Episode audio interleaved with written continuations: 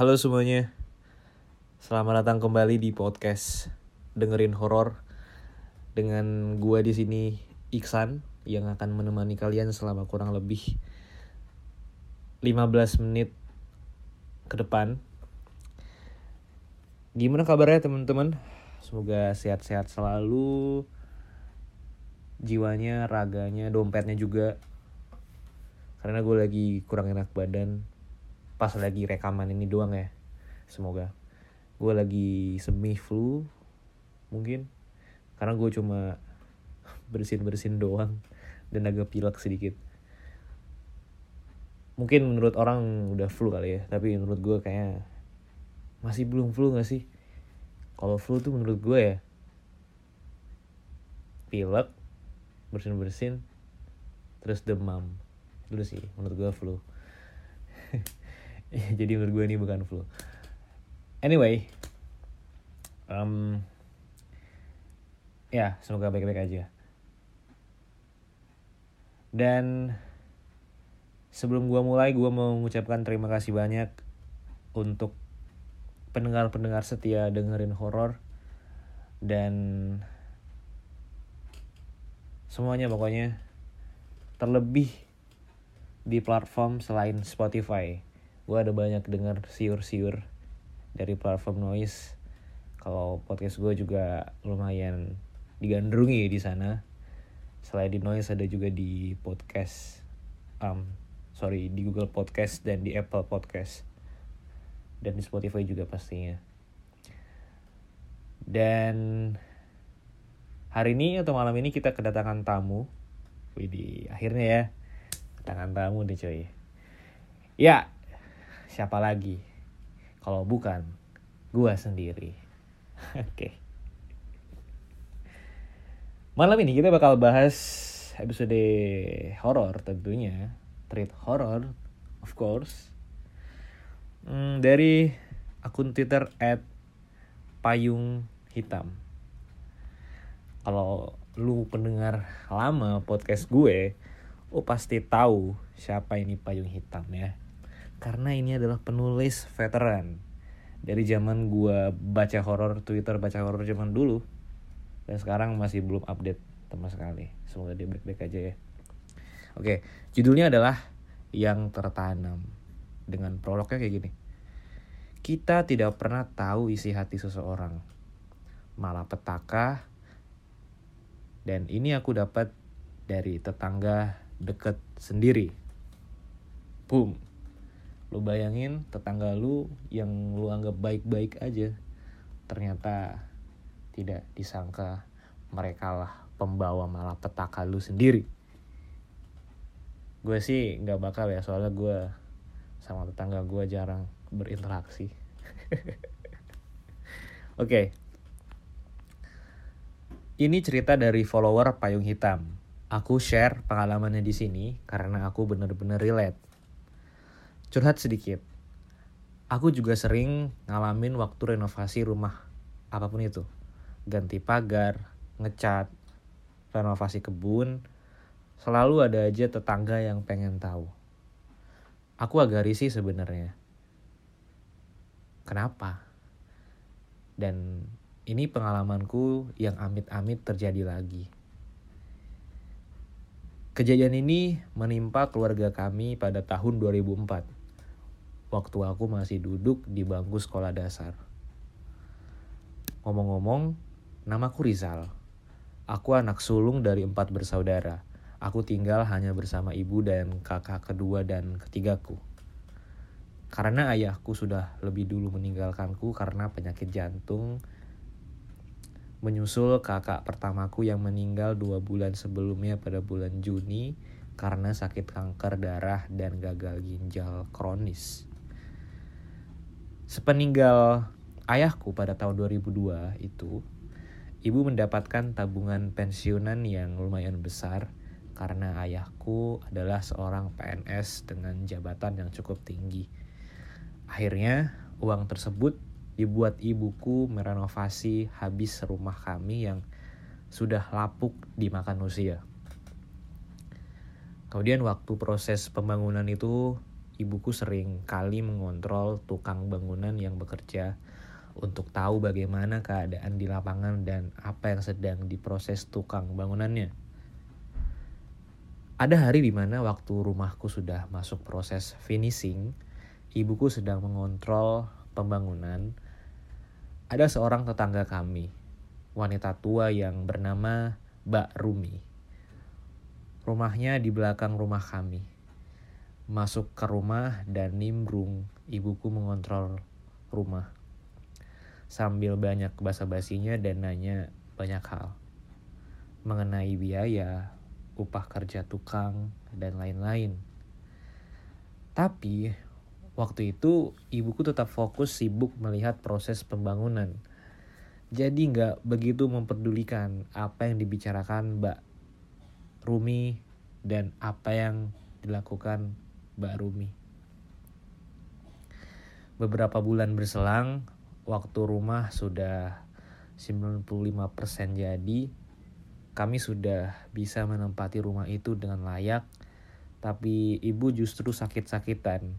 Sakit yang mendadak parah, muntah, limbung sampai tidak bisa beranjak dari kasur. Kami mau membawanya berobat pun Sulit karena sampai buat duduk pun rasanya sulit sekali. Akhirnya kabar ibu sakit sudah terdengar ke saudara ibu yang terbilang berada. Lalu dipaksalah kami antar ibu pergi ke rumah sakit dan ke dokter spesialis penyakit dalam terkenal di kotaku. Kemudian setelah diperiksa, menurut medis, ibuku didiagnosa mengidap mah kronis Ibu akhirnya mengambil berobat jalan dengan cara kami urus sendiri di rumah. Tapi setelah beberapa kali berobat, ibuku bukan membaik, justru malah kondisinya makin buruk. Beberapa kali kami lihat ibu seperti orang yang umurnya gak akan lama lagi. Dan beberapa kali juga kami meminta semua keluarga kami berkumpul di rumahku tapi setiap kali ibu seperti sudah mendekati ajalnya, ia selalu pulih lagi. Nanti seperti kritis dan ingin menjemput ajal. Dan itu berulang kali sampai ia pulih. Aku yang saat itu masih SD, masih duduk di SD, betul-betul takut menghadapi ini semua, apalagi kalau ibu betul-betul pergi. Karena semua kakakku masih sekolah. Yang paling besar belum lulus kuliah, karena musibah ini terus-menerus membuat keluarga kami kewalahan. Akhirnya, ada tetangga dekat kami yang menyarankan agar ibu diobati pada orang pintar atau ahli sihir. Karena tetangga saya juga memiliki firasat kalau Penyakit yang ibu derita adalah penyakit kiriman. Dalam tanda kutip.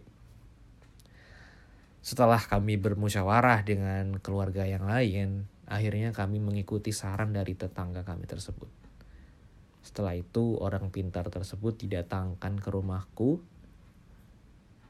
Iya, karena ibu hanya bisa berbaring. Sebut saja nama orang itu Pak Holik setelah ditawa, setelah diterawang oleh Pak Holik, Pak Holik membenarkan kalau ibu ternyata punya penyakit kiriman. Setelah itu Pak Holik meminta kita untuk beberapa kali berobat atau harus dengan proses syarat yang diperlukan Pak Holik. Yang juga terbilang banyak untuk proses penyembuhan ibu. Ada satu syarat yang menurutku cukup unik dan sulit tapi akhirnya bisa terpenuhi juga, yaitu menyediakan bunga wijaya kusuma. Bunga tersebut dikenal bunga mistis yang jarang sekali berbunga. Sekalinya berbunga, bunga putih itu memancarkan cahaya yang terang, tapi mekar hanya sebentar. Jarang sekali orang bisa menemukan bunga tersebut sedang mekar, karena hanya waktu orang itu beruntung saja dia bisa lihat dan selebihnya banyak orang yang kelewatan atau sebelum bunga itu mekar. Jadi terbilang bunga ini cukup langka. Bunga ini adalah salah satu syarat penting proses penyembuhan ibu. Jika bunga itu tidak didapatkan, kemungkinan ibu bisa tidak tertolong. Tapi seperti yang aku bilang tadi, akhirnya saudaraku meminta saudara yang lain untuk membantu mencari bunga tersebut dan kita akhirnya mendapatkannya. Setelah diberikan ke paholik, bunga itu dibuat ritual di rumahnya. Tapi sayangnya ibu belum juga sembuh. Tapi memang ibu lumayan membaik. Ibu masih sering sakit-sakitan dan kambuh. Kemudian aku ingat aku punya uak di, di Jepara. Uak itu seperti om. Dan anaknya yang kita sebut saja namanya Benny. Datang menjenguk ibu dan mereka aku perhatikan berbincang sangat lama Ternyata Benny ini punya kenalan berada di Jepara yang katanya bisa mengobati penyakit ibu. Benny juga kami kenal orang yang percaya sekali dengan hal mistis dan ia betul-betul menghargai maka dari itu Benny betul-betul mengerti kondisi ibu dari kami. Benny berjanji pada kami akan membawakan orang tersebut kepada kami kami menyetujuinya dan singkat cerita minggu depan orang itu betul datang bersama Benny.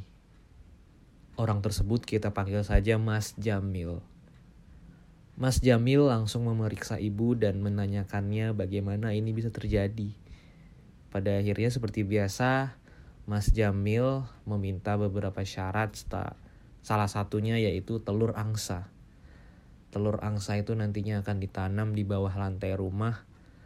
Setelah itu besoknya Mas Jamil dan Benny akan kembali meneruskan proses penyembuhan ibu.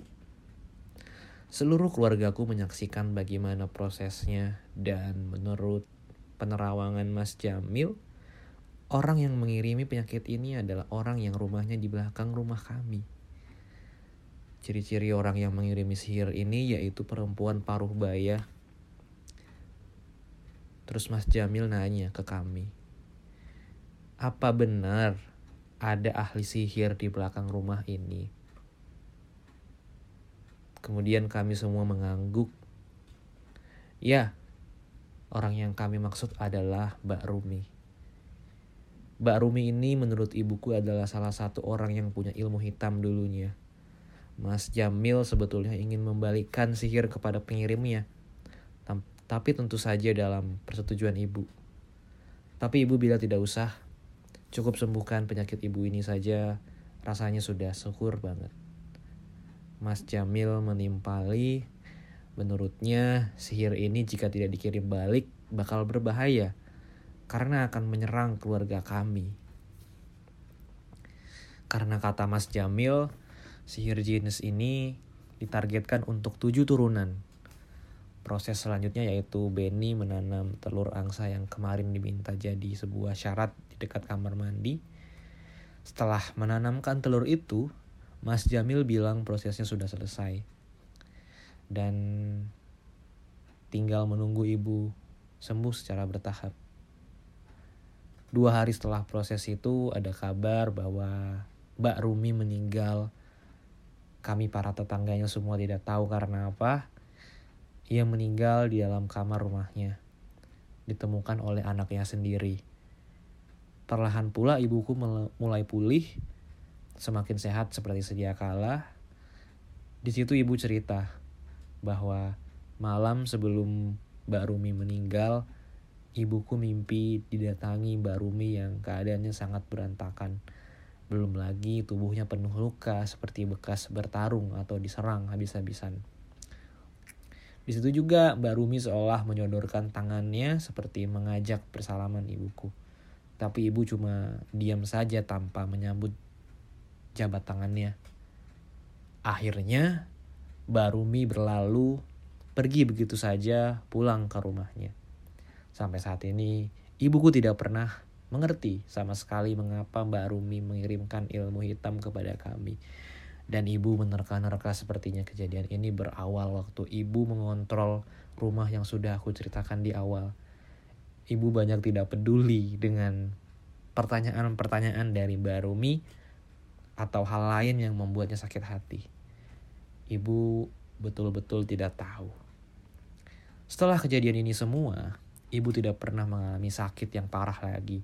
Tidak ada kejadian-kejadian ganjil juga. Dan itulah cerita dari ibuku. Aku baru tahu detail cerita ini ketika aku sudah SMA.